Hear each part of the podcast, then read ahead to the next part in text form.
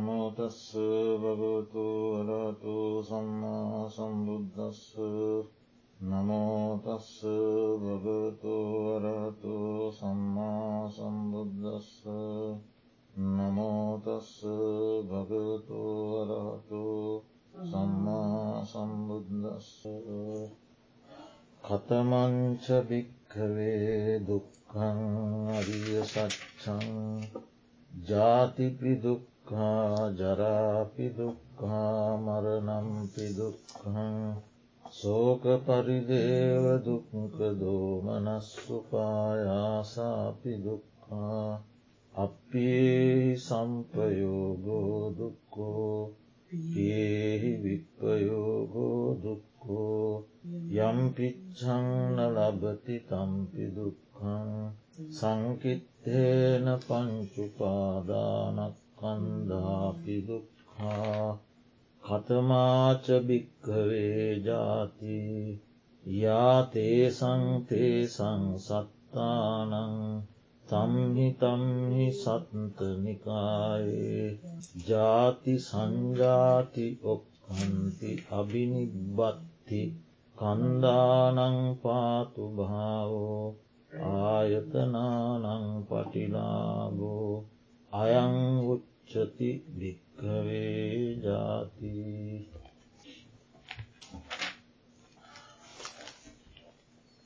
මහා සතිපට්ටාන සූත්‍ර දේශනාවේ ඉතාමත් විස්තරාත්මක අපි කාගේත් අවසාන අධ්‍යාත්මික බලාපොරොත්තුව වන චතුරාර්ය ශත්‍ය කොටස අපි පහුගිය සතියේ ආරම්භ කළා එහි දෙවන දිනය දෙවන අදියර අද ආරම්භ කරන්න. එතනදී බුදුරජාණන් වහන්සේ ප්‍රථමයෙන් දුකනම් වූ ආර්ය සත්‍යය විස්තර කරන. කතමංච භික්කවේ දුක්කං අරිය සච්චන්. මහනෙන දුකනම් වූ ආර්ය සත්‍යය කවරේද ජාතිපි දුක්කා ඉපදීමද දුකකි. ජරාපී දුක්හා ජරාවට පත්වීමද දුකකි. මරණම්පි දුක්කං මරණයද දුකකි. සෝක පරිදේව දුක්හ දෝමනස්ස උපායාස උපායාසාපි දුක්කා. සෝකයද පරිදේවේද කායික දුකත මානසික දෝමනස්සයද උපායාසයද දුකකි. අපේහි සම්පයෝගෝ දුක්කෝ අප්‍රියයන් සමඟ එක්වීමද දුකකි. පේහි විප්පයෝගෝ දුක්කෝ ප්‍රියයන්ගෙන් වෙන්වීමද දුකකි. යම්පිච්චං නලබති තම්පි දුක්කා. යමක් කැමති වන්නේද එය නොලැබීමද දුකකි. සංකිත්තේන පංචුපාදානක් කන්දහා දුක්කා. සංක්ෂිප්තව කියන්නේ නම් උපාදානස්කන්ද පංචයම පහම දුකකි. දැන් මෙහි තිබෙනවා ප්‍රධාන වශයෙන් දුක් අටක්. ඉපදීම ජරාව මරණය සෝක පරිදේව දුක්කදෝමනස් සෝපායාස නෑ ඒක සතිපට්ටාන සූත්‍රය නෑ ව්‍යාද. අපේහි සම්පයෝග පියවිප්පයෝග කැමතිදේ නොලැබීම පංචුපාදානස්කන්න. එහෙමයි අට. එතකොට මේ අටෙහි හතරවැන්න. සෝක පරිදේව දුක්ක දෝමනස්සුපායා සාපි යන්නෙහි කරුණු පහක් ඇතුළත් වෙන. ඒ පහම එකට අරන්තියෙන. නොද සෝකය පරිදේවය දුක දෝමනස්ස උපායාස. නෑ උපායාශකයන් දැඩි වෙහෙස කර ස්වභාව. එතකොට එතන පහයි. ඒ පහම එකට අරන්තමයි දේශනා කරලා තිය. දුක දෝමනස්සය උපායාසය. එතකොට ඒ ඒ හතරවැන්නෙහි තියෙන ඒ කරුණු ටික පහ වෙන් කරලා ගත්තොත් ඔක්කොම එනවා කරුණු දොළහ වෙන්කර නොගත්තොත් එනවා අටක් වෙන් කොට ගත්තොත් දොළහක් එනවා. සමහර සූත්‍ර දේශනාවල දුක්ක සත්‍යය දුක්කාර්ය සත්‍යය විස්තර කරන සමහර සූත්‍ර දේශනාවල සෝක පරිදේව දුක්ක දෝමනස්සුපායාස කියන එක අරගෙන නෑ. ඒ වෙනුවට ව්‍යාධිය අරන්තිය. සතිපට්ටාන සූත්‍රයේ තියෙන මේ ක්‍රමය. තව සමහර සූත්‍ර දේශනාවල මේ සෝක පරිදේව දුක්ක දෝමනස් සුපායාසාපි ගන්නඇතුව එවනට ව්‍යාධි අරගෙන අටක් කියලතිය. එතකොට එහෙම ගත්තොත් ජාති ජරා ව්‍යාදි මරණ අපේ සම්පයෝග පියවිප්පෝයෝග යම් පිච්චන්න ලබති සංකිත්තයන පංචිපාදානක. ඒ. එතකොට අටක් වශයෙන් දේශනා කළ. ඒකට හේතුව මොකදේ මෙතන සෝක පරිදේව ගන්නත් තව තැනක ව්‍යාදිය ගන්නත් හේතුව. ව්‍යාදිය කියන්නේ කයට වැලඳෙන රෝග. සහ මනසට වැලඳෙන රෝග. කායික රෝග මානසික රෝග. විදිහකින් කිවොත් කායික ව්‍යාධි මානසික ව්‍යාධි. ව්‍යාධියට එ දෙකම ඇතුළා. එතනදී කායික ව්‍යාදයට අයිති පරිදේව දුක්ක දෙක. පරිදේවේ මෙම හිස අත තබාගෙන හඬන වැලපෙන පරිදේවේ. සහ කයට දැනෙන ලෙඩ රෝග දුක් කයට දැනෙන දුක් ඒ ඔක්කොම කායික ව්‍යාද. හරි පරිදේව පරිදේවය සහ දුක්කය. එතෝට දැම් මෙතන රන්තියෙන්න්න සෝක පරිදේව දුක්ක දෝමනස් සුපායාස කියල පහත්තියෙනවන. ඒ පහෙන් පරිදේව සහ දුක්ක කියන දෙක කායික ව්‍යාදි. ඒක ඒක එහෙම ගන්න පුළුවන්. හරි එකම දේ තමයි මේ එක තැනකදී පහකින් එක තැනකද එකකින්. ට පරිදේව දුක්ක කියල ගැන කායික ව්‍යාද. සෝකය දොම්නස උපායාසය ගැන මානසික. සෝකය දොම්නස කියන එක මනසට නැති උපායාස. ඒ දෙක මානසික. එතකොට ඒ ව්‍යාදිය කොටස් දෙකට බෙදුවත් මේ පහ තමයි ඇතියෙන්. සෝක පරිදේව දුක්ක දෝමනස්ස උපායාස. යනුත් ව්‍යාදි තමා. කායික ව්‍යාදිසා මානසික ව්‍යා. එතකොට අපි ඒ කාරණය අපිට මේ විදිහයට අර්ථ දක්වන්න. සෝකාදී පහ දැම් මෙතැන තියෙන ඒ පහ තියෙනවන සෝක පරිදව දුක්ක දෝමනසු පහ. සෝකාදී පහ යම් තැනක ගත්තනං එතන කායික මානසික ව්‍යාධි තියෙන. සෝකාදී පහ ගත්ත තැන තියෙන්නේ කායික මානසික ව්‍යා එතවට ව්‍යාදිය යම් තැනක ගත්තනං එතන මේ පහතිය. සෝකාදී පහගත්ත තැන ව්‍යාදිය තියෙනවා ව්‍යාදිය ගත්ත තැන සෝකාදී පහ තියෙනවා. එක වෙන් කරන්න බෑ. ඒ නිසා කොහොම ගත්තත් එකයි. එහෙම ගත්තට වරදක් නෑ. ඒ එහෙම අරන් තියෙන්නේ ශ්‍රාවකයන්ගේ චරිතයන්ට අනුකූල විදියට.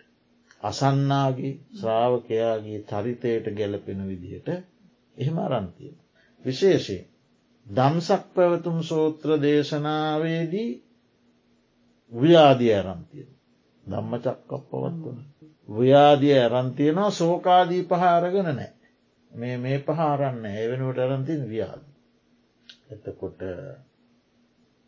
සතිපට්ටාන සූත්‍රයේදී ව්‍යාදිය ඇරන්න ඇතුව සෝකාදී පහාරන්තිය. හරි දම්සක් පාතුන් සූත්‍රයේදී ව්‍යාධි අරන්තියනවා හතිපට්ටාන සූත්‍රයේදී සෝකාදී පහරන්තිය. සච්ච විභංග සූත්‍රයේදී අරන්තියෙන්නේ ඊටත් වෙනස් කොනය. ඒක හයයි අරන්තිය. සච්ච විභංග මොනවදරන්තියෙන් ජාති ජරා මරණ. ව්‍යාධිත් නෑ ජාති ජරා මරණ. සෝක පරිදේව දුක්ක දෝමනස්ස උපායාස. හතරයි. යම් පිච්චන්න ලැබති පහයි. කැමතිදේ නොලැබී පහ. සංකීතයෙන් සංකිත්තයන පංචුපාදානක් කන්දා දුක්කා හයයි. ඒකෙදි අපි ඒ සම්පයෝග පියවිප්පයෝග දෙකාරගෙනත් නෑ. ඔව ඒ දෙක ජාති ජරා මරණ සෝක පරිදේව දුක්ක දෝමනස්ස උපායාස. යම් පිච්චං නොලබති තම්පි දුක්කා. යමක් කැමතිවන්නේද ඒදේ නොලැබීම. කියන කොටත් තරක ගන්න පුළුවන්. ඔවු පියදේ කැමති වෙනවා පියදේ ලැබෙන්නේ. හරි ඒක ගන්න පුළුව. අප්‍රියදේ අකමැති වෙනවා ඒදේ ලැබෙනවා. ලැබෙනකොට සෝකාදී හටගන්න. එතෙන්ට ඇතුළත් කරන්නත් පුළුව. එහෙම ඒක ඒවච්චර ලොකුවට ඒම නොගත්තා කියල ප්‍රශ්නයක් නෑ. එතකොට ඔන්න දැන් මේ සෝක පරිදේව කොටස වෙන් කරලා ගත්තොත් පහක් එකක් වසයෙන්න්න මේ පහක් වසයෙන් ගත්තොත් කරුණු දොළහක් ලැබෙන. දැම් මෙහෙම එකට ගත්තොත් අටයි වෙන්කරොත් දොළහයි. ඊළඟට දම්මත් චක්කප පවත්තන සූත්‍ර දේශනාවේදී ව්‍යාධිය අරගෙන කතා කරනවා එතන අටයි. සෝක පරිදේව දුක්ක දෝමනස්ස උපායාසනෑ ව්‍යාදී ගත්තා. එතකොට එතන අටයි. එතකොට සච්ච විභංග සූත්‍රයේදී හයයි. ඒ හයේ සෝක පරිදේව දුක්ක දෝමනස් උපායාස කියල වෙන් කළොත් දහය. දහය. ඒ විදිහට එක්ෙක් තැනට එක්ෙක් ක්‍රමයට අරන්තිය. ඒක තේරුම් ගණ්ඩුවන නැත්තම් අපි ඉගෙන ගත්ත මේකන එතන කොහොමද මෙහෙම වෙන්න එහෙම ප්‍රශ්නයනවා. එතට අට්ට කතාචාරීන් වහන්සේලාගේ අදහස දම්සක් පැවතුන් සූත්‍ර දේශනාව දේශනා කළේ පස් වග තවසන්ට. මිනිසුන් අතර ව්‍යාදිය ප්‍රකට දෙයක්. ව්‍යාදිය කියන ලෙඩ රෝග කියන එක මිනිසුන් අතර ප්‍රකටයි. එනිසා එතැන්දි ව්‍යාදිය ගත්තා. ඒ අටුවා මතය. දෙවියන්ට දේශනා කරනකොට දෙවියන් අතර ව්‍යාදිය ප්‍රකට නෑ දෙවියන්ට ලෙඩ රෝග නෑ. කායික ලෙඩ රෝග. මානසික දොම්නස් තියෙන. ඒ නිසා ඒක ව්‍යාදිය ගත්තේ නැතුව සෝක පරිදිය. එම අදහසක් තිය. කොහොම නමුත් ඒක මේ අටක් වසයෙන් තේරුම් ගත්තත් දොළහක් වසයෙන් තේරුම් ගත්තත් හයක් වසයෙන් තේරුම් ගත්තත් දහයක් වසයෙන් තේරුම් ගත්තත් චතුරාර්ය සත්‍ය අවබෝධයට ඒක බාධාවක් වෙන්නේ නෑ. ඒක බාධාවක් තකොට දැන් ඒක එහෙම තේරුම් ගණ්ඩෝනෑ දැන් ඒ දුක්කාරය සත්‍යයෙහි පළමු යන්න කුමක්ද? ඔව ජාතිපි ඉපදීමද ද පියන්නෙන් කියන්නේ ද ජාතිපි ඉපදීමද. ඔව ඉපදීමද. ඔව. තව තියෙනවා නිදිරි ඉපදීම් පමණන්න ඉපදීමද. දිරාපත්වීමද ආහෙම ඉපදීමද දුක්. ඔන්න දැන් බුදුරජාණන් වහන්සේ ඉපදීම විස්තර කර. කොමද කතමාච භික්හවේ ජාති. මහනෙන ජාතිය යනු කවරේද. යා තේසන්තේසන් සත්තාන. තම්මි තම්මි සත්ත නිකායි. ජාති සංජාති ඔක්කන්ති අභිනිබ්බත්ති කන්දානං පාතු භාවෝ ආයතනානං පටිලාබෝ අයං උච්චති භික්කවේ ජාති. හරි ජාති සංජාති ඔක්කන්ති අභිනිබ්බත්ති කන්දානං පාතුභාවෝ ආයතනම් පටිලා. අයං උච්චති භික්කවේ ජාති. හරිනි ඒ තේරුම. ඒ ඒ සත්වයන්ගේ තේසන් තේසන් සත්තාන ඒ ඒ සත්වයන්ගේ. තම්හි තම්හි සත්ත නිකායේ. ඒ ඒ සත්ව නිකායෙහි. ඒ ඒ සත්ව නිකායෙහි. යාජාති යම් ඉපදීමක් වේද. සංජාති පරිපූර්ණ ඉපදීමක් වේද. ඒ සංකේල යැන උපසර්ගයක්. ඒ ඉස්සල්ලා යොදපු පදය ජාති කියන පදේ උපසර්ගයෙන් කරන්න පදයක අර්ථය වැඩි කරන. එහම නැත්තං අර්ථය අඩාල කරන. උපසර්ගයකින් කරන්නේ පදයක අර්ථය අඩු වැඩි කිරී. එතකොට ඒකට මේක වැඩි කිරීමක් කරන්න. ජාති සංකයන උපසර්ගය යොදල සංජාති එකන පරිපූර්ණ ඉපදීම. පූර්ණ ඉපදීම වේද. සම්පූර්ණ වීම. ඉපදීම සම්පූර්ණ වීම. පරිපූර්ණ ඉපදීමක් වේද. ඊළඟට ඔක්කන්ති මව්කුසට බැස ගැනීමක් වේද. අභිනිබ්භත්ති පහලවීමක් වේද. පහලවීමක් වේද. කන්දහානං පාතු භාවෝ. ඉස්කන්දයන්ගේ හට ගැනීමක් වේද. ආයතනානම් පටිලාබෝ ආයතනයන්ගේ ලැබීමක් වේද. ආයතන මේ ඇසකණනා එය ආයතනයන්ගේ ලැබීමක් වේද. මහනෙන මෙය ජාතියනම් වේ මෙතම ජාති. ඔන්න ජාතිය බුදුරජාණන් වහන්සේ විස්තර කළ හැටි. එතකොට වර්තමාන ලෝකයේ මේ ජාතිය කියන එක පිළිබඳ විවිධ අර්ථ තියෙන. විවිධ අර්ථ දෙනවා. ඒවා ගැන අපිට විවේචන නෑ අපි ඒවට අපි ඒවා පිළිබඳ විවේචන කරනවා නෙවෙයි නමුත් ජාතිය කියන වචනයේ ත්‍රිපිටක ධර්මය. විවිධ අර්ථගෙන දෙන වචනය. එක අර්ථයකින් නෙමේ ජාති කියන වචනය පාවිච්චි වෙන්නේ. ඒක අපි තේරුම් නොගත්තොත් අවුල් ගොඩක පැටලෙන. එතකොට දැන් බුද්ධගෝස ස්වාමීන් වහන්සේ විශුද්ධි මාර්ගය කියන්නේ පරියේෂණ ක්‍රන්තය. එක බුදු දහම පිළිබඳව කරන ලද පරියේෂ ප්‍රථම ඒ හාන්දුරන්ගේ ප්‍රථම පර්යේෂණ කරන්න. පළමුුවෙන්. ඒ හාන්දුරුවෝ දක්ෂයෙක්ද අදක්ෂේද බලන්න මහාවියාර භික්‍ෂු සංඝයා ඒ හාන්දුරට ගාථාවක් මේ ගාථාවට අර්ථ දක්වන්නකි. දඹදිවේදල වැඩිය. ඒ හාමුදුරුවේ ගාථාවට අර්ථ දක්වපු පොත තම විශුද්ධි මාර්ග එක ගාථාවකට ලියපු පොතක්කෝ. එකම එක ගාථාවට. හරි එතකොට ඒ හාන්දුරුව පළවෙනි පොත ලිව්වයන් පස්ස එක නැති වුණා දෙවැනි පොතත් නැති වුණා කියන. ඒක දන්න ඉතින් අතුරු දහන් කලා කියලා කියනවා දෙවියන් අතුරු දහන් කරා කියලා කියනවා කොමරිය පොත් නැති වුණා. රසේ හාමුදුර තුන්ගෙන පොත ලිව්ව. එතවට පස්සේ අර පොත් ලැබුණා අතුරු දහන් වුණ පොත්. එතවට පළවෙනි පොතයි දෙවනි පොතයි තුන්වෙන පුතයි තුනම එකට කියවලා බලනෝට එකකවත් එකම වචනයක්වත් වෙනස් නෑ කියනවා. එකන පලවෙනි පොත් නැති වුණාම දෙවනි පොත ලිව එකත් නැති වුණ ඉට පස තුන්ගෙන පොත ලිව. රස පොත් තුනම පස්සේ ලැබුණ. ලැබුණම් පස්සේ පොත් පරීක්ෂා කළ ලියපු. පරීක්ෂා කරල බලනකොට එක පොතකවත් වෙනසක් නෑ. මතක එහෙම කියනවා එහෙම අදහසක් තියෙනවා ඒක එසේ වෙතත් ඒක පර්යේෂණ ග්‍රන්ථය. එතෝට පර්යේෂණ ග්‍රන්ථයේ උන්වහන්සේ දක්වනවා උන්වහන්සේගේ අදහස්න මේ මේ. උන්වහන්සේ බුදුරජාණන් වහන්සේගේ දේශනාවලින් අරම් පෙන්න්නනවා ජාති කියන වචනය යෙදෙන අර්ථ. එයාගේ අදහස් නෙමේ. එකට බයවෙන්ට ඔන්න ඇ අරම් පෙන්න්නන අහවල් තැන තියන්නේ හවල් තැන තියන්න හවල් තැන සූත්‍රවලින්ම පෙන්. අරන් පෙන්න්නන. ඔන්න දැන් එහෙම පෙන්නන තැන් අපි බලමු ජාති සක්තය ඔන්න උන්වහන්සේ පෙන්නනවා ඒකම්පි ජාති දවේපි ජාතියෝ. කොතනින්ද අරන්තියෙන්නේ විභංග ප්‍රකරණය. විභංග ප්‍රකරණ ග්‍රන්ථයෙන් අරන්තියනවා ඒකම්පි ජාතින් දවේපි ජාතිය. ඒ කියන්නේ එක ජාතියක් ජාති දෙකක්. එක ජාතියක් ජාති දෙක ඒ ගැන භවයක්. මේ ජාතිය දෙවන ජාතිය තුන්වන ජාතිය එක බුදුහාන්දුරු දේශනා කළ බොහෝ සූත්‍රවල තියෙනවා. දැන් පුබ්බේ නිවාසානුස්සති ඥානය බලන කෙන. පෙර විසූ කඳ පිළිවෙල. බලන අභිඤ්ඥාලාබී යෝගාවචරය. දැන් එය අභිජ්ඥා ලබල. එයා බලනෝ ඒකම්පි ජාති. එක ජාතිය. ජාති දෙක ජාති තුනක්. ජාති හතරක්. ජාති පහක්. ජාති හයක්. ජාති දහයක්. ජාති විස්ස භවෙන් භවයට එය බලනවා. ජාති විස්සක්. ජාති පණහක්. ජාති සීයක්. ජාති දෙසීයක්. ජාති පන්සීයක්. ජාති දාහක් ජාති දහදාහක් ජාති ලක්ෂයක් කල්පයක් සංවට්ට කල්පයක් විවට්ට කල්පයක් එතන මේ ජාති කියන වචනය තියෙන ඉති එයා එහෙම බලම් බලම් බල යන ඒ ඒ ජාතිවල මට මේ නමින් මම හිටිය. මේ ගෝත්‍රයේ මම හිටිය.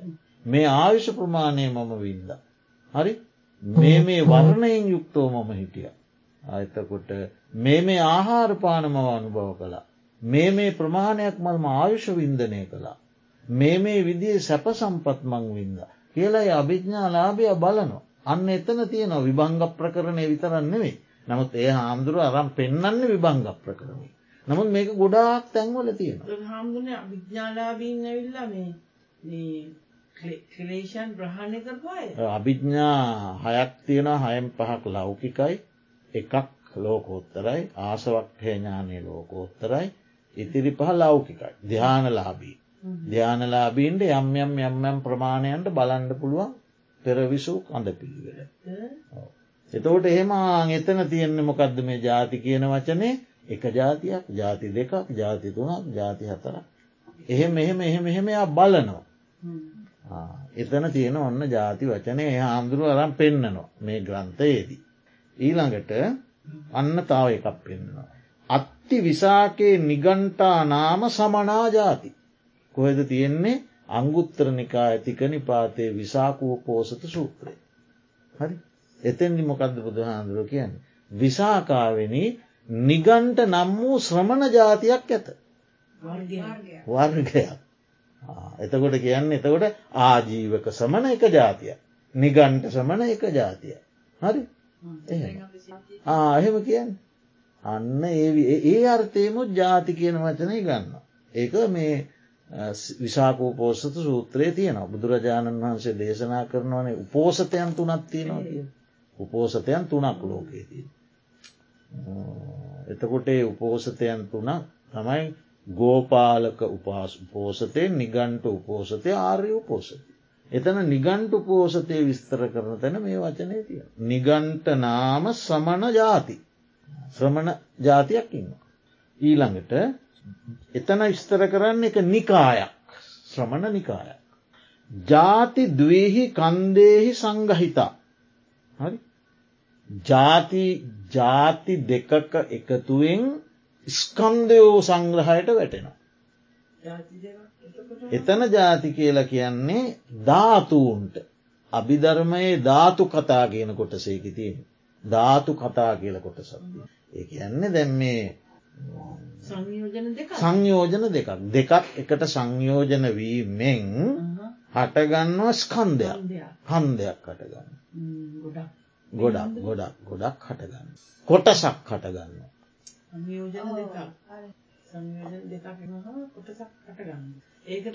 එතන එතනත් ජාතික නොමේ ජාති දවිහි. ජාතීන් දෙකක් සංගහිතා සංග්‍රහවීමෙන් එක්වීමෙන් කන්දේහි කොටසක් ස්කන්දයක් හටගන්න. අන්න එතන අර්ථය දෙන්නෙමකක්ද සංකතයක් හේතුවකින් හටගත්ත දෙයක්. හේතුවකින් හටගත්ත උදාහරණයක් කියනවනම් අපි පටවිජාතුව උදාහරණයක් කියනවනං මේ හැම එහෙකම ගණ්ඩ පුළුවන්. මේ හැම එහෙකම ස්කන්දයන්ගේ අඩුම තරමෙන් ස්කන්ද දෙකක සංග්‍රහය දැන් අපි කියමුකෝ අපි කියමු මෙහෙම ඇසයි රූපයයි. හමුවීමෙන් විඤ්ඥානය හටගත් දෙකක එකතුයි ප්‍රත්‍යය දෙහෙක එකතුවෙන් තව එකක් හටගන්න ඒ ඒ ප්‍රත්‍යය හේතුකොටකි එහෙම. එතකොට ඇසයි රූපයයි විඤ්ඥානය තුනේම එකතුවෙන් ස්පර්ශයක් හටගන්න එතන තුනක් එකතුන මේ අඩුම එක මේ කියන්න. දෙකක්. දෙකක් එකතුවීමෙන් තුනක් එකතුවීමෙන් හතරක් එකතුවීමෙන් එහෙම හටගන්න ස්කන්දයෝ කියන එක. එත එතන එතන කියන්නේ මේ සංකතය. හේතුවකින් හටගත් කියන අර්ථයෙන් ජාතිය කියන. ඊළඟට බෝසතාණන් වහන්සේගේ උපත ගැන සඳහන් වෙනවා. සඳහන් වෙනවා මහාවග්ගපාලියේ සහ අච්චරිය අබ්භූත සූත්‍රය මජ්්‍යමනිකාය අච්චරිය අබ්භූත සූත්‍රයේ බුදුරජාණන් වහන්සේගේ ආශ්චර්යමත් ධර්මතා. එහි දැක්වෙනවා මෙහෙම. යං මාතු කුච්චිස්මින් පටමං චිත්තං උපපන්න. පටමං විඤ්ඥානං පාතුභූතන්. තදූපහාදාය සාවස්ස ජාති. ඒ ඒ බෝසතාණන් වහන්සේගේ දෙයක් නෙමේ මේ මහාවග්ගපාලියන එකක් ඊළඟ එක අපි පස්සටෙනවා මහාවග්ගපාලියන එක යං මාතු කුච්චිස්මින් පටමන් චිත්තං උපපන්න. පටමං විඤ්ඥානං පාතු භූතන්. තදුපාදාය සාවස්ස ජාති ඔන්න ජාති කියන වචනය යෙදෙන තැන ඒකින් කියන්න මොකක්ද. යම්විටක මවකුසයක ප්‍රථම චිත්තය උපන්නේද. ප්‍රතිසන්ධ විඤ්ඥාන පටමන් චිත්තං උපන්න. පළමු සිත උපන්නේද. ඔවු දැම යම් මව් කුසයක යම් මව් කුසයක ප්‍රථම සිත හටගන්න. හරිද පටමං චිත්තං උපන්න පටමන් චිත්තං උපන්න. පටමං විඤ්ඥානං පාතු බෝතා. ප්‍රථමයෙන්ම විඤ්ඥානය පහළවන්නේද. හරි තදුපාදාය සාවස්ස ජාති. අන්න එය ජාතියයි. හරිද අන්න.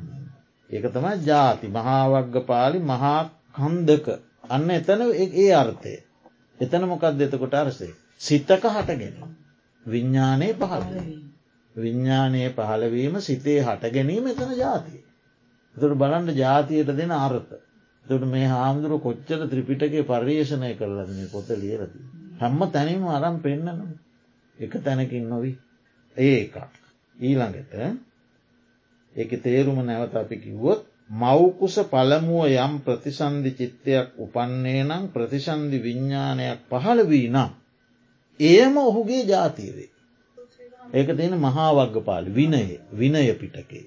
මහාවග්ග පාලියේ මහා කන්දක කියන කොටස ඒක තියෙන. ඊළඟට ඔන්න බුදු බෝසතාණන් වහන්සේගේ උපත දැක්වෙන ආශ්චර්ය අත්භූත කරුණු දැක්වෙන අච්චරි අබ්භූත සූත්‍රය. ඒකින් කියවනවා මෙහෙම දෙයක්. සම්පති ආනන්ද ජාතෝ බෝධිසත්තු. එතන ඔන්න ජාතෝ කියන වචන යෙදෙන. ජාති කියන වචනයම දැන් අපි පද අපි යම්කිසි පදයක් කරගත්තම විභක්ති අනුව වරණගන්නය ප්‍රථමා විභක්ති දුතිය විභක්ති ඒ විදියට විභක්ති. ඒක ඉංග්‍රීසියම කපිට වරණගන්න එක වචනයක් විවිධ. මිනිසා මිනිස්සු මිනිසා මිනිසුන්. මිනිසා මිනිසුන්ට මිනිසා මිනිසුන්ගේ. එහෙම පද. ඒවගේ මෙතන ජාති ජාතෝ. මෙතන ජාතෝ කියන වචනය යෙදන්නේ සම්පති ආනන්ද ජාතෝ බෝධිසත්තු. හරි? මොකක් දෙකින් කියන්න? ආනන්දය මවකුසින් බිහි වූ බෝසත්තෙමේ උපන් ඇසිල්ලෙහි උපන් ගම. ආන උපන් ගම. සමපාදයෙන් බිම සිට. උත්තරාභිමුකව උතුරු දිසාවට මුහුණලා සප්පි පයි පියවරක් ඉදිරියට යන්නේ. ඉට පස්සන අග්ගෝ හමස්මි ලෝකස් අන්න. එතකොට මොකක්ද එතන ජාතෝ කිවේ. උපන් ඇසිල්ල මවකුසෙන් බිහිවීම තම එතන ජාතිකිව. සමහර තැනක ජාතිකිව්ව මවකුසේ පිළිසිඳ ගැනී ප්‍රතිසන්ධි විඤ්ඥානය හට ගැනී. සමහර තැනක ජාතිකිව්ව එතන ජාතෝ කියලකිව මවකුසෙන් බිහිවීම උපන් ඇසිල්ල. බුදුරජාණන් නෑ නෑ ඒක තමයි ඒ භාෂාවක ස්වරූපය. භාෂාව ඉපදුන ගමම්ම එකටත් ජාති කියනවා. ඒකට ඒ අවස්ථාවේ අනුව ජාතෝ කියලකිව ඒ කාරණ. හරිද? ඒ ඒ භාෂාවක තියෙන ස්වරූපය එකම එකම වචනය විවිධ අර්ථ දෙන්න පාවිච්චි කරන අවස්ථා තියෙන. ඒක එක මාර්තය දුන්නා කියල අල්ල ගත්තුන් මහ පැටලි පිස්සගේ බලාමල්ලක් වගේ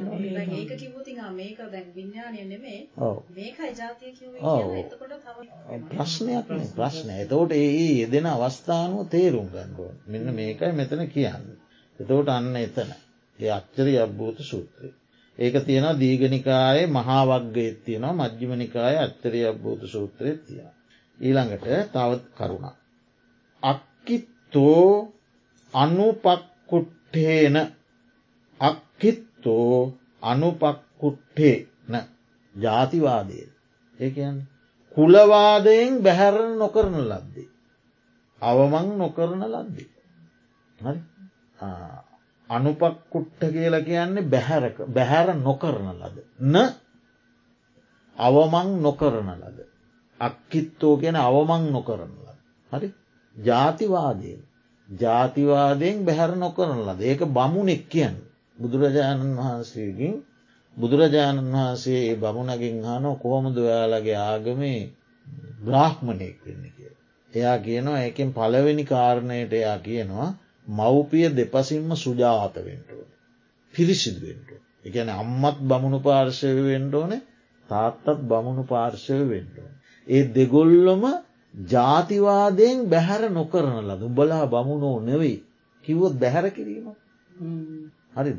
එහෙම ජාතිවාදයෙන් හෝ කුලවාදයෙන් බැහැරක් නොකරන ලද කෙනෙක් වෙන්ඩෝන. කියලා බමුණ කියන. හරිද. එතකොට එතන මොකක්ද ජාති කියලේදන්නේ.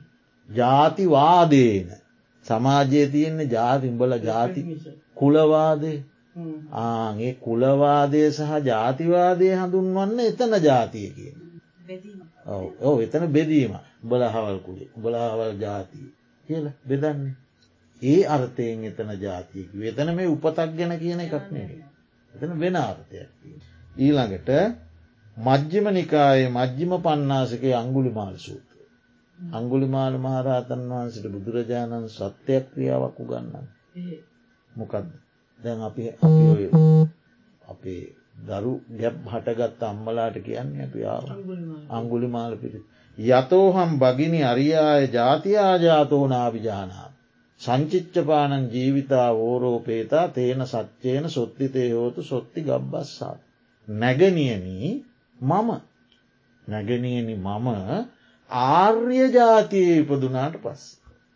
අරියාය ජාතියා අරියාය ජාතිය ආර්ය ජාතියේ ජාතෝ ඉපදුනාට පස්සේ. එතවට එතන වචන දෙකත්තියෙන. නැගනියනි මම ආර්ය ජාතියේ ඉපදුනාට පස්සේ දැන දැන සතෙකුගේ ජීවිත තොර කරේ නෑ. ඒක සත්‍යයක් ඒක සත්‍යයක් ඒ සත්‍යයානු භාව බලයෙන් ඔබ සූපත්වය. ඒකන සත්‍යයක් එතකොට එතන අරියාය ජාතියා ගැන ආර්ය ජාතිය. එතන ආර්ය ජාතිය කියන්නේ සතුම් මරල නැති කතාවන්න මේ කියන්නේ එතකොට ආර්ය සීලය. එතන මේ කියන්නේ ආර්ය සීලය මම දැන දැන ආර්ය ජාතිය ඉපදුනාට පස්සේ. දැන දැන සතෙකුගේ ජීවිත තොර කළේ නෑ. හරි එතකොට එතන අරියාය ජාතියා ආර්ය ජාතිය ආර්ය ජාති. එතකොට අපි අනාර්ය ජාතිය. හරි එතට අංගුලි මාල මහරහතන් වහන්සේ ඇතුළු රහතන් වහන්සේලා සෝවාන්ශ්‍රාවක ආර්ය ජාතිය. අපි අනාර්ය ජාතිය. හරි එතවට ජාතෝ කියලා එතන කියන අරියාය ජාතිය ජාතෝ ආර්ය ජාතිය ඉපදුනාට පස්. එතවට උන්වහන්සේ ඉස්සරලා අංගුලිමාල හාමුදුරුවන්ගේ අහිංසකගේ අම්මගේ කුසේ ඉපදුනා. ඒක වෙන ඉපදීම. ඒ එතනාන්න. ඒ මවකුසේ ඉපදී. ඒක වෙනයි. මෙතන ආර්ය ජාතිය ඉපදුනා බුදුරජාණන් වහන්සේ සරණ කියල රහත් වුණා. ආර්ය නික්ලේසි ආර්ය භූමියයට පත් එතට ආර්ය ජාති. එතකොට ඒ සූත්‍රයේ මේ ජාති කියන වචනය දෙන්නේ ආර්ය ජාතියට. එතන ජාතෝ කියලා දෙන්නේ ආර්ය ජාතිය ඉපදීම. මවකුසේ ඉපදීමට නෙ. අන්න ඒවා භාෂාවක ඒ වචන අහවල් අහවල් අහවල් අහවල් තැන යෙදිලා තියෙන්නේ මේ මේ මේ මේ අර්ථයෙන් කියලා සොයන්නේ විමසන්නේ කවුද. භාෂාවන් පිළිබඳ නිපුනත්වයකින් යුක්ත පර්යේෂක බුද්ධගෝ සාන්දුරයම පර්යේෂකේ. ඒ හාමුදුරුවන්න මොකට දොච්චර ගෙරිහමට තඩිගහනවලි බනින්. ඒ හාමුදුරුවනේ පර්යේෂණ ග්‍රන්ථයක් කරලා තිය. ඒක නොගැල පැන්තියෙන වන ඒ අයින් කරන එක වෙනම කතාව. ඒ හාමුදුර අරම් පෙන්න්නනවන මේ මේ මං ගත්තේ හවල්තන මෙන්න මේක තියෙන හවල්තන මේක තියෙන හවල් එතකොට අන්නේ විදිහේ විවිධ අර්ථ මේ වචනය තුළ අන්තර්ගත වෙන. මෙතනදී සතිපට්ටාන සූත්‍රයේදී මෙහිදී ගන්නේ පරමාර්ථ වශයෙන් ගත්තම. ඒ ඒ ඒ ඒ සත්වයන්ගේ ප්‍රථම පහළවී. ඉපදී ප්‍රථම පහළවී. තමයි ගන්න. එතකොට සාමාන්‍ය වශයෙන් අපි එක කල්පනා කළොත් දැන් ලෝකයේ තියෙන උප්පත්ති හතරක්. අන්ඩජ ජලාබුජ සංසේදජ ඕපපාති. උපත්ති හතරත්තිය. ට අන්ඩජ කියන්නේ බිත්තරවල උපදී. ජලාබුස කියල කියන්නේ මව්කුසේක ඉපදී. ගර්භාෂයක හටගෙන. සංසේදජ කියල කියන්නේ තෙත් බිම්වල කුණු සහිත තැන්වල හටගැනී. ඕපපාතික කියල කියන්නේ ඉබේ පහරවී. ඕපපාතයක ඒ උපත් බොහෝම කලාතුරකින් වෙන දේව. එතකොට එහෙම උපත්ති හතරක්තිය. එතකොට මේ සූත්‍රයේදී සාකච්ඡා කරන්නේ ජාති කියන වචනයෙන් අන්ඩජ ජලාභුජ වසයෙන් පිළිසිඳගෙන. බිත්තරයක හෝ ගර්භාෂයක හෝ අන්ඩජ ජලාභුජ. බිත්තරයක හෝ ගර්භාෂයක හෝ පිළිසිඳ ගැනීම හරි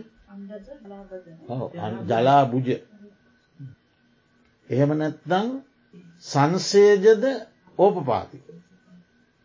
වශයෙන් හට ගැනීම ඔය ක්‍රම හතරෙන් කුමන ක්‍රමයකට හෝ සිදුවන උප්පත්තිය. අර එතවට දැන් තේරුම් ගණ්ඩෝනමකක්ද ජාති කියන වචනයට විවිධ අර්ථ තියෙන අනේකාකාර අර්ථ තියෙන තොට සතිපට්ටාන සූත්‍රයේදී ගන්නේ අන්ඩජ වසයෙන් හෝ ජලාභුජ වසයෙන් හෝ සංසේදජ වසයෙන් හෝ ඕපපාතික වසයෙන් හෝ සත්වයකුගේ හටගෙන උපත ඒක තමයි ගන්න. ඉතින් ඒ ගන්න එකට අපි ගත්තොත් එහෙම අර සමන ජාති කියන වචනය මෙතෙන්ට ගත්තොත් ඒක හරියන්නේ. එමනත් අංගුලි මාලාහාමුදුරන්ගේ ආර්ය ජාතීපදීම ගත්තත් හරියන්නේ නෑ. එතකොට තෘණ ජාතියාදී විවිධ ජාති තියෙනවා ලෝකේ තෘණ ජාති තනකොළ ජාති වැල් ජාති ගස් ජාති ඒක හරියන්නෙත් නෑ. හරි ඒ අරතෝලින් මෙතැන්ට සුදුසු අරතය ගන්නවා. ඔන්න දැන් අපි බලමු ඔන්න ඒක දැන් අපි ඒක හොඳට මතක තියාගන්න ඕන ඒ වචනේ යෙදෙන හැටි. ඊළඟට බලමු කොහොමද විස්තර කරන්න. තේසන් තේසන් සත්තාන ඒ ඒ සත්වයන්ගේ ඒ ඒ සත්වයන්ගේ තම්මි තම්මි සත්ත නිකායේ ඒ ඒ සත්ව නිකායේ සත්ව නිකායන් තියෙන මනුෂ්‍යයෝ එක සත්ව නිකාය දෙවියෝ එක සත්ව නිකාය ප්‍රේතයෝ එක සත්ව නිකාය කුරාකුහුඹූ එක සත්ව නිකාය බල්ලෝ එක සත්ව නිකාය බලල්ලු එක සත්ව නිකාය එම සත්ව නිකායන් තියෙනවා. ඒ ඒ සත්ව නිකායේ ජාති යම් ඉපදීමක් වේද? ඊළඟට සංජාති. ජාති සංජාති. එකන පරිපූර්ණ ආයතන ඇතිව ඉපදීමක් වේද. ඉපදීමක් වේද? පරිපූර්ණ ආයතන ඇතිව ඉපදීමක් වේද. ඊළඟට ඔක්කන්ති ඔක්කන්ති ඒ වචනයෙන් අර්ථ දක්වන්නේ බිත්තරයක හෝ අන්ඩජ අන්ඩජ උපත. බිජුවක හෝ ජලාබුජ. අන්ඩජ හෝ ජලාබුජ කියන උපත්ති දෙක තියෙනවා මවකුසයක හෝ බිජුවටක හෝ අන්න එතැන්ට බැස ගැනීම. ඔක්කන් ඒ දෙක ඒ දෙක ඒ දෙක ඔක්කන්ති. ඒ දෙක බැස ගැනීම. දැම් බෝසතාණන් වහන්සේගේ උපත ගෙනත් කියනවා. මහනෙන මම තුසිත දෙව්ලොවින් චුතව මවකුසට බැසගන්නේ වේද? බැසගත්තේ වේද. එතන බැස ගැනීමට ගැන ඔක්කන්ති කියලා. ඒ සූත්‍රයේ තියෙන ඔක්කන්ති කියන වචන. එතන ජාති කියන වචන නෙවේ තියෙන. මානන මම තුසිතයෙන් චුතව මවකුසට බැසගත්තේ වේද. ඔක්කම් අන්න බැස ගැනීම. හරි ඔක්කන්ති. ඊළඟට අභිනිබ්බත්ති ඒ කියන්නේ පහලවීම. පහලවීම කියන්න සංසේද ජෝපපාතික අනිද්දක. කුණුගොඩක හෝ තෙත් සහිත කුණුගොඩක හෝ ඕපපාතිකෝ හෝ. පහළවීමක් වේ. කන්දහනම් පාතු බාව. ඉස්කන්ද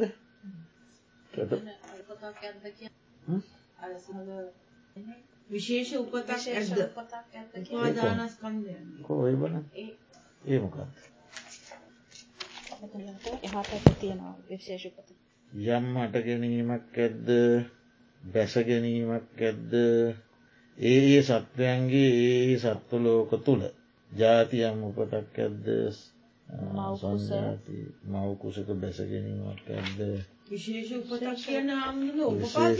විශේෂ උපතක් ඇද්ද? උපාදානස්කන්දයන්ගේ පහළවීමක් ඇද්ද? කන්දානම් පාතිවාවට ඉස්සල්ලනේ අභිනිබ්භත්ති කියන එකට ඒහා ඒ ඒ අර්ථ දික් කලා තියෙන අභිනිබ්භත්ති කියන අභිනිබ් නෑ අභිනිබ්බත්ය අපි දැන් කිව්වේ. අපි අභිනිබ්බත්ති කියල දැන් කිව්වේ මොකද සංසේදස සංසේතජ ඕපපාත පහලවී හාමුදුනේ දැන් වන අයටත් මේ මේ ඇස කණනාසේ ඔක්කොම ඕ.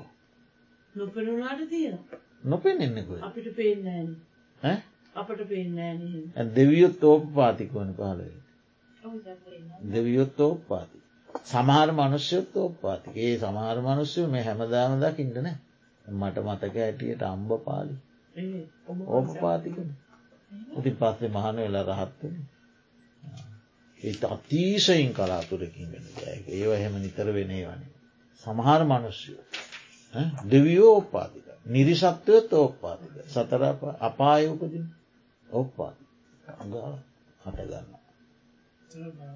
ඒ ඕපාතික අන්නේ ඕපපාතිකෝ හට ගැනීමයි සංසේදජ හට ගැනීමයි තමයි අභිනිබ්භත්තික හලවීම පහළවීමක් වේද.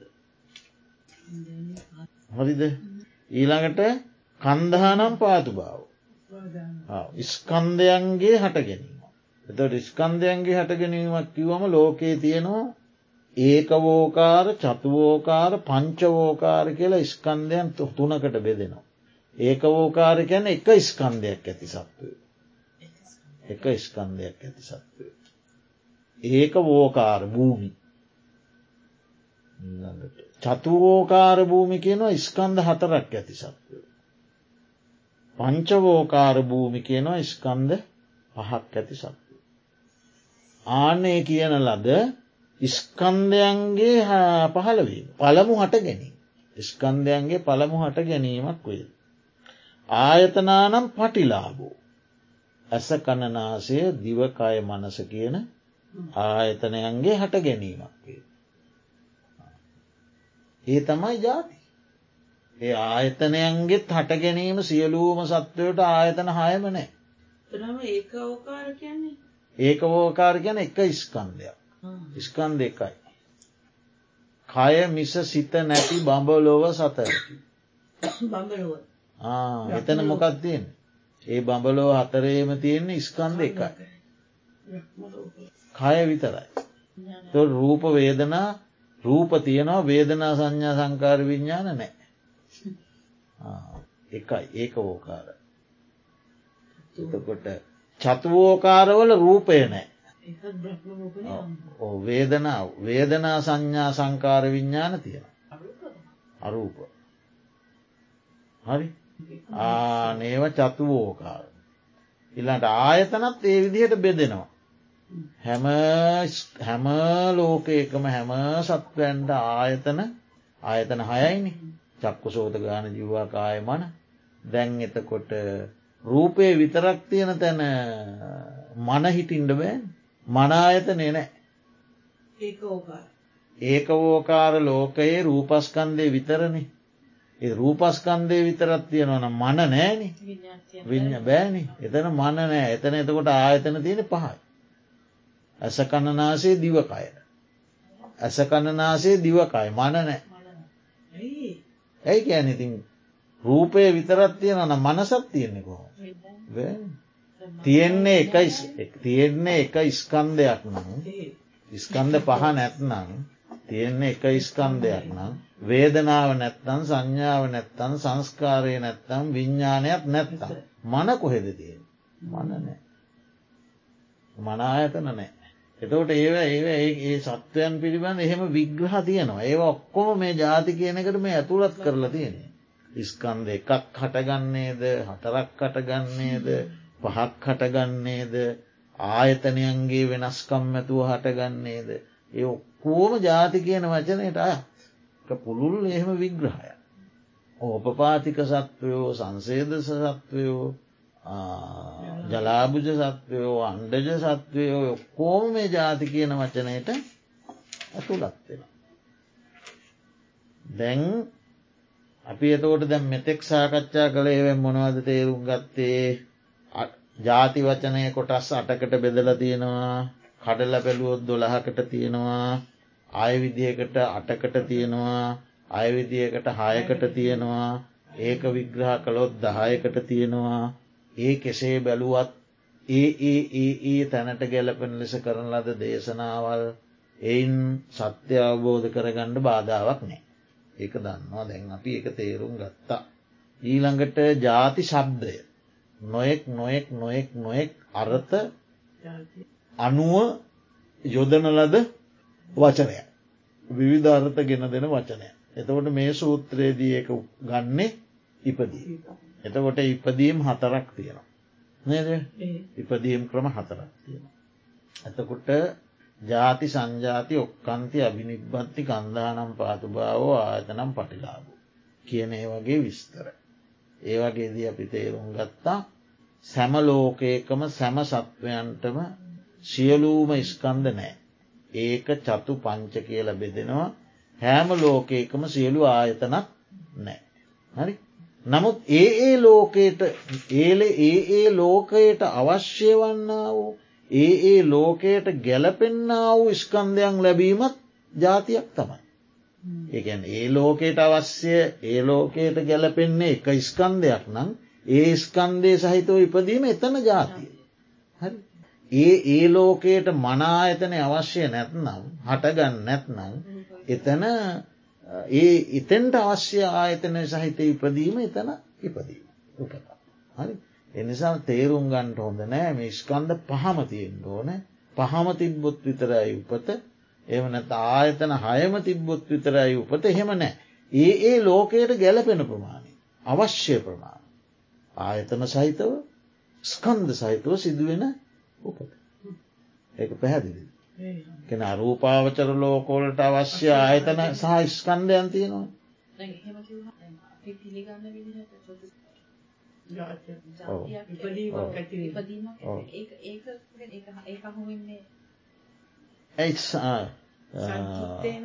සංකිත්තේන පංචුපාදානක්කන්දා දුක්කා. මට අහපු එක ආපහු කියන්න බලන්න.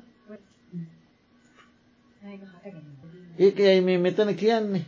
එතන මෙතන කියනවන මවකුසට බැස ගැනීම. හරිද මවකුසට බැස ගැනීමක්.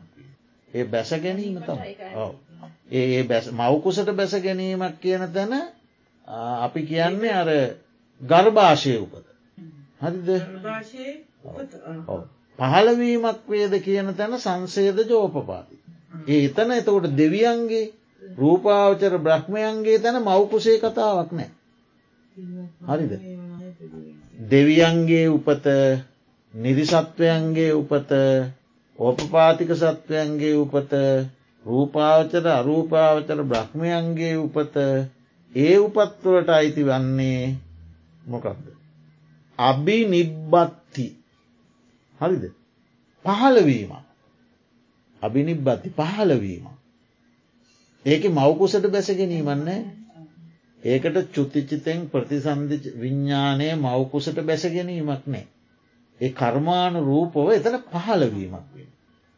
මවකුසට බැස ගැනීමේදීත් ප්‍රතිසන්ධ විඤ්ඥානය මවකුසයි පහළවේ. දෙවියෙක් වෙලා උපදිනකොට ප්‍රතිසන්ධ විඤ්ඥානය පහළවීමක් වේ. එක මවකුසට බැස ගැනීමක් හෝ බිත්තරයකට බැස ගැනීමක් නෑ.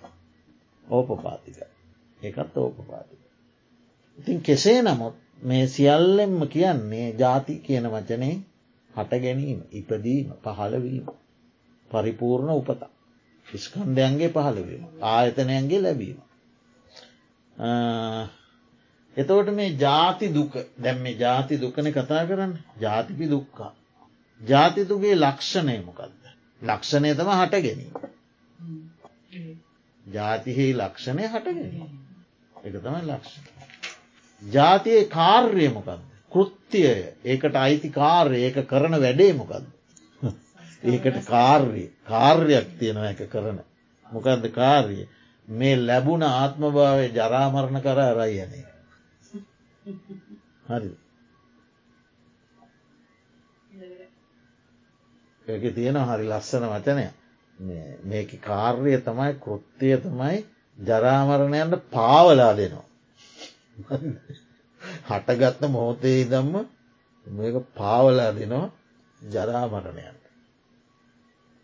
එයාගේ කාර්ය ඒක තමා. එහි වැටහීම වැටහීම කොහොමද වටහාගන්න උපතක් කියල වටහාගන්නේ වර්තමාන භවයක පහළවීමෙන් තමයි වටහාග. වර්තනමාන භවයක පහළවීමෙන් තමයි ඔන්න උපතක්ක කියලා වටහාගන්න. ඒ පහළ නොවී හිටියන. දැ මම අපේ මවගේ කුසේ මීට අවුරුදු හැටකට උඩදි පහළ නොවී හිටියන. මගේ පහළවීමක් වැටහෙන්නේ හිතන්ඩුවත් බෑන් වැටහීමක් නෑ දොට ඒ පහළවීමෙන්ම තමයි එක වැටහීම තම පහළවී. එතකොට මේක ලක්ෂණය හට ගැනීම මේකින් කෙරෙන කාර්ය ජරාමරණයන්ට පාවාදීම මේක වැටහෙන්නේ උපත්ති වසයෙන් පහළවීමෙන් මේ ඉපදීමෙන් ලැබෙන පලය තමයි දුක්කෙහි ඇති වයිවර්ණ භාවය විචිත්‍ර භාවය නානාවිධ භාවය. මේ ඉපදීමෙන් පලය ඉපදීමේ පලය තමයි දුක්කෙහි නොයෙක් ආකාර ස්වභාවය. ඔව සැප තියෙන සැප තියෙන සැප නැත්තිනෑ සැප බුදු දහම ප්‍රතික්ෂේප කරන්න නමුත් සැපෙහි තියෙනවා මේ ඒ පස්සෙ සාකච්ඡා කෙරෙනවා. සංකාර දුක්ක කියන එකේ දේක සාකච්ඡා කෙරෙනවා. සැප නෑ කියන්න සැපක් තියෙනවා. ඒ සැප විදිිය යුතු දෙයක් තියෙනවා නම සැපෙහි ස්වභාවයක් තියෙන. එතකොට දුක්කෙහි ඇති විචිත්‍රවත් නොයෙක් නොයෙක් ආකාර ස්වභාවය තමයි මේ ඉපදීමේ පලය ගහක පලේ ගෙඩි හට ගැනීම සෙවනදීම ඉපදීමේ පලේ දුකෙහි විචිත්‍ර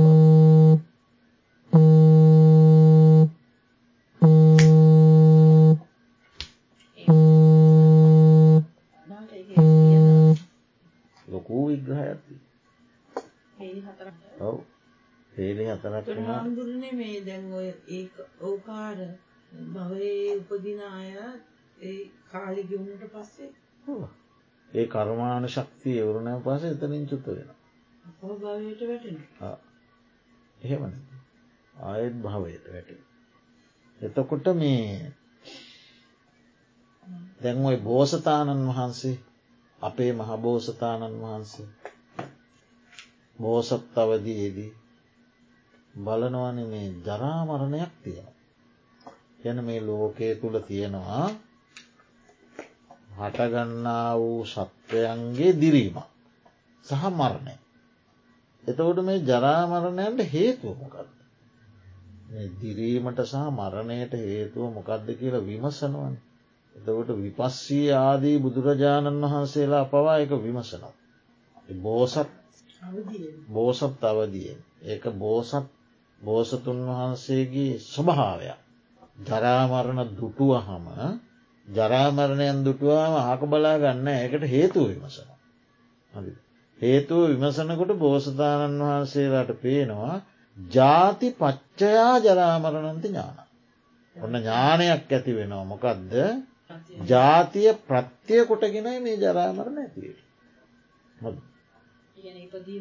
ඉපදීම නිසා ඉපදීම තම ප්‍රත්‍යය ඉපදීම තම හේතු. ඉපදීම නිසයි ජරාමරණ හටගන්න. ඒක උන්වහන්සේලා විමසන. ඊළඟට උන්වහන්සේලා විමසනෝ ඉපදීමට හේතුව කුමක්ද. අගසිට මුල්ලට විමසන.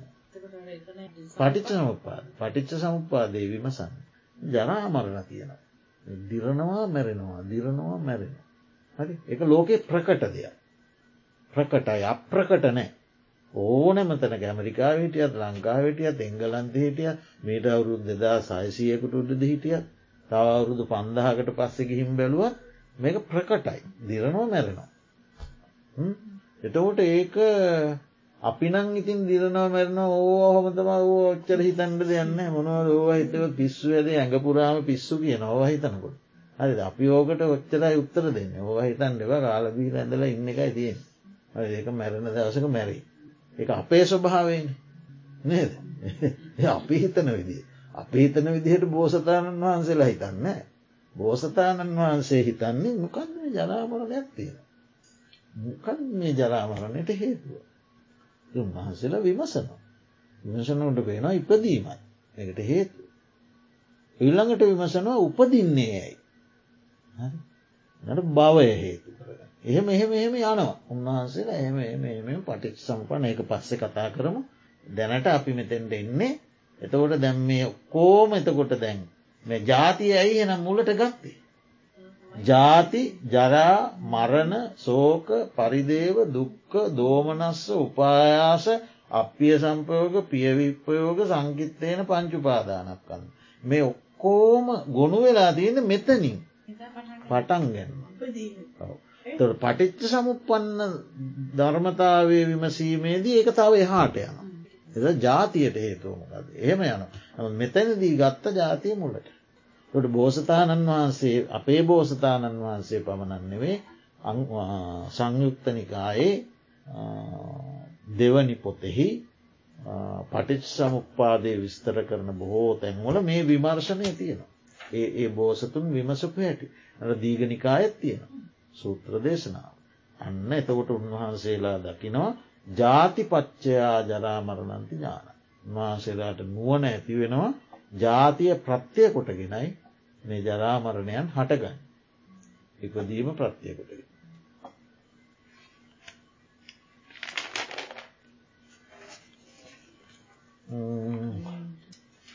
හරි එතකොට ඒ සම්බන්ධව මොනවද තව දැනගණ්ඩ තියන්නේ එතට මේ ඔක්කොම දුක එය දුක් අටක් අපි එකක් දොලා අටක් දොලාක් දහයක් හයක් ඒ ඔක්කෝටම කත්ත වෙන්නේ උපදී. ඉපදීමට හේතු වෙනම හොයනවා ඒක ඒක ඒක හොයන්නේ පටිච්සම්පාද.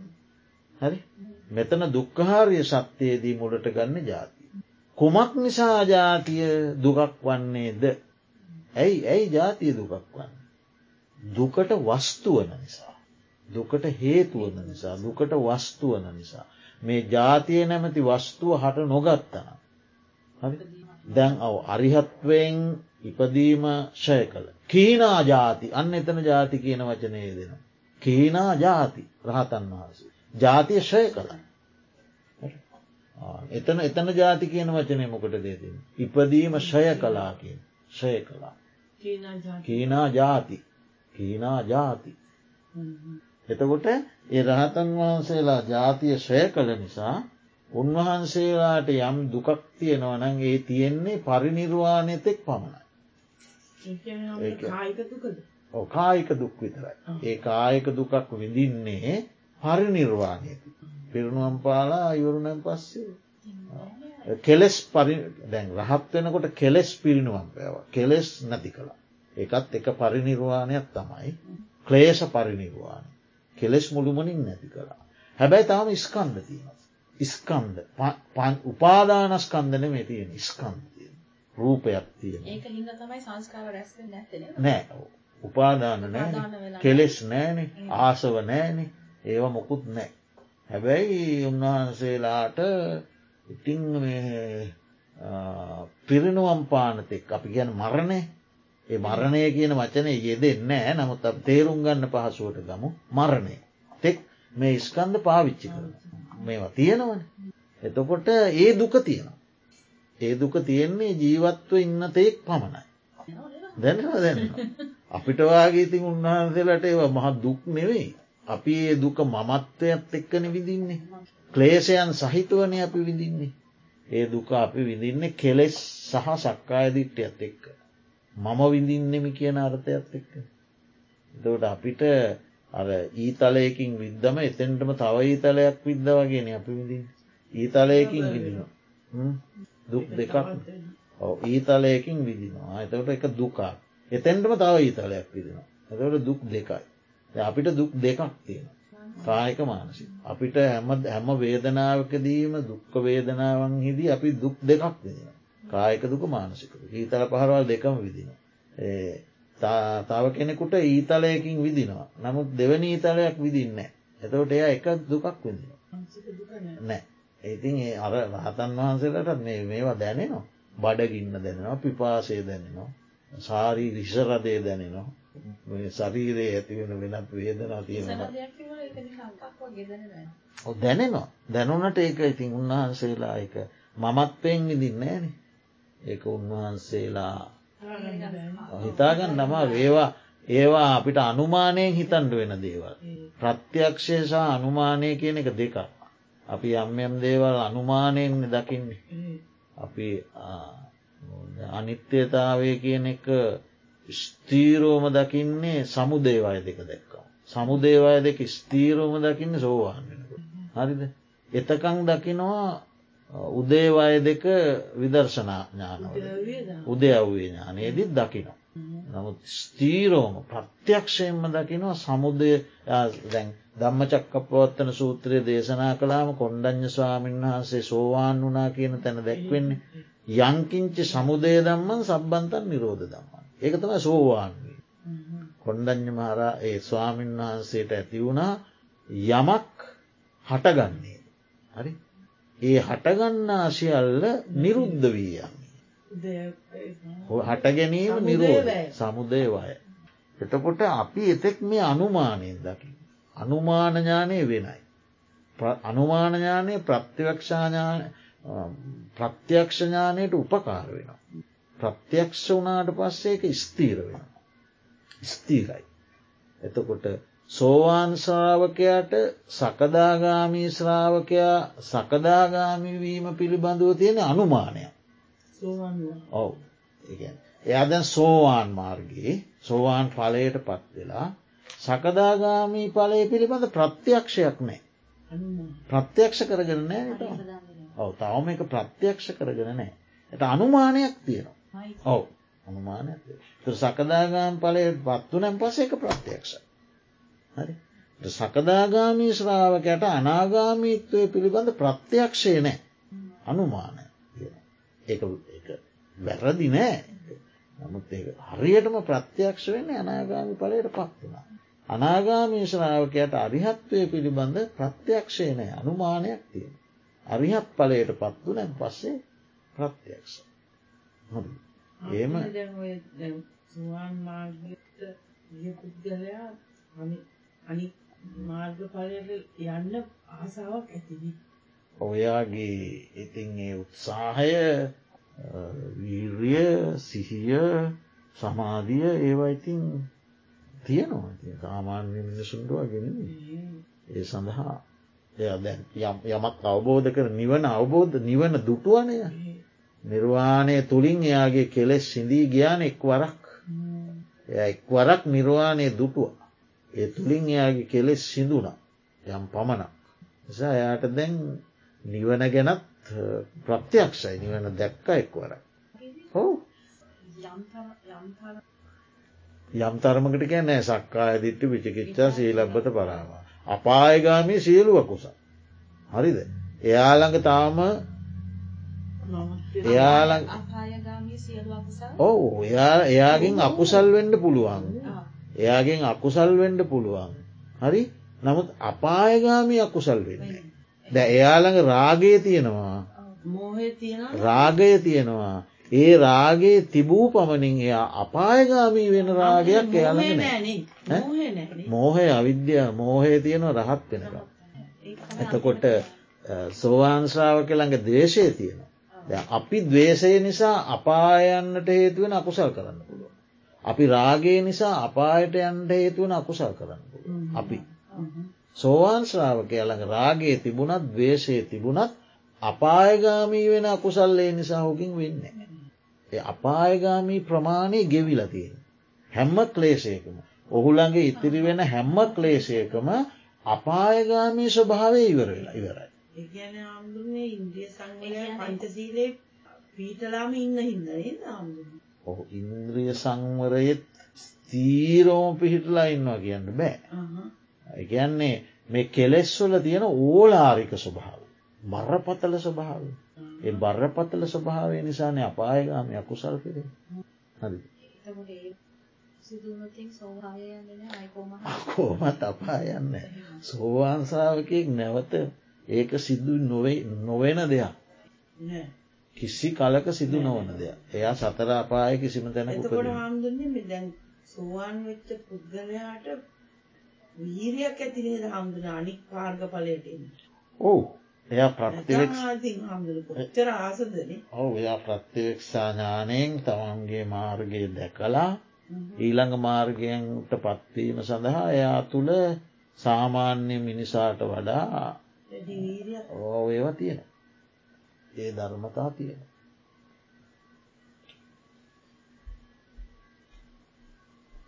තිං අද දවස අපි නිමාවට පත් කරමු. මෙන්න මේ කාරණය විතරක් කියලා.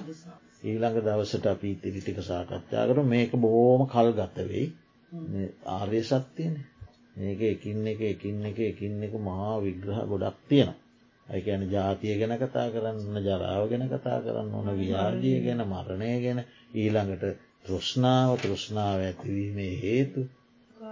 ඇ සමුදයාදේශ එතකොට ඔන්න දැන් කුමක් නිසා දැන් අපි අත කතා කළේ ජාති දුක? කුමක් නිසාද ජාතිය දුකක් වෙන්නේ? දුකට වස්තුවෙන දුකට හේතුවන නිසා. එතකොට දුක කිව්වම දුකේ තියෙනවා නානා ආකාර. හරි? දැන් අපි කතා කලාන ජාති ජරාව්‍යාදි මරණ සෝක පරිදේව දුක්ක දෝමනස් උපායාස අපිය සම්පයෝග පිය විප්පයෝග යම් පිච්චන්න ලබති පංචු උපාදාන කන්ද කියලා ඒ සියලූම දුක් ප්‍රධාන දුක් හතක් යටතට ගෙනෙනවා ප්‍රධානය. ඒ තමයි දුක්කත් දුක්ක විපරිනාම දුක්ක සංකහාර දුක්ක පටිච්චන්න දුක්ක අපපටිච්චන්න දුක්ක පරියාය දුක්ක නිප්පරියාය දුක්. හතක් තියෙන. දුක හතකට බෙදෙන. හතකට බෙදෙන. තව ඊට අමතරෝ දුක ගැන බොහෝ දේවල් තියෙන. ගැබෙහි හට ගැනීමේ දුක ගැබ පරිහරණය කිරීම දුක ගැබ ඇතුළේ වැඩීමේ දුක කොච්චර තියෙනවා. මේ ගැබ ඇතුළ මේ හටගෙන හටගෙන මේක ඇතුළ වැඩෙනකොට තියෙන දුක් ඒ ඔක්කොම දුක්ක සක්ති. ඒ ඔක්කොම ව්‍යාධි දුක. එතකොට ගබ්බ පරිහරණ මූලක දුක්කය ගබ්බ විජානන මූලක දුක්කය ඕම මේ ගැබ ඇතුළෙම දුක් ගොඩ මේ අපි ඔක්කොම විඳල දී නැට පේන්නේ බෞකුස ඇතුළේ ගර්භාෂය. ඒවා ඇති පේන්නේ අපිට. ඒවත් කතා කරන දුක ගැන කතා කර අම්මටත් තියෙනවා අපිටත් තිය ඔවු අපි කලලයක් හැටියට අපි විඳින දුක් තියෙන හරිද කලලයක් හැටියට ඉන්නකොට අපි විඳින දුක් තියෙනවා. එතකොට ඒ කලලය වැඩී වඩනකොට අම්මලා විඳින දුකුත්තිය ඒවත් දුක්ක සත්‍යයටම ඇතුළ දුක්ක සත්‍යය ගැන මහ ප්‍රබ්බලව සාකච්ඡා කරපු මාතෘකාව.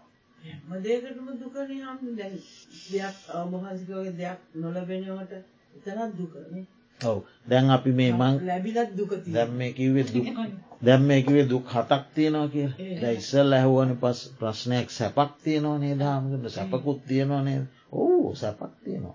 සැප කියලා කියන සුක වේදනාවන. සැප කියන වෙන මොකුත් නෙමේ සුක වේදනාව. දුක දුක කියලා කියන්නේ දුක්ක වේදනාව. දුක්ක වේදනාව. සැප කියලා කියන්නේ සුක වේදනාව දුකයි සැපයි දෙකට මැද තියෙන උපේක්ෂාව. එතවට සැපක් තියෙන නැත්ති නෑ. හරිද?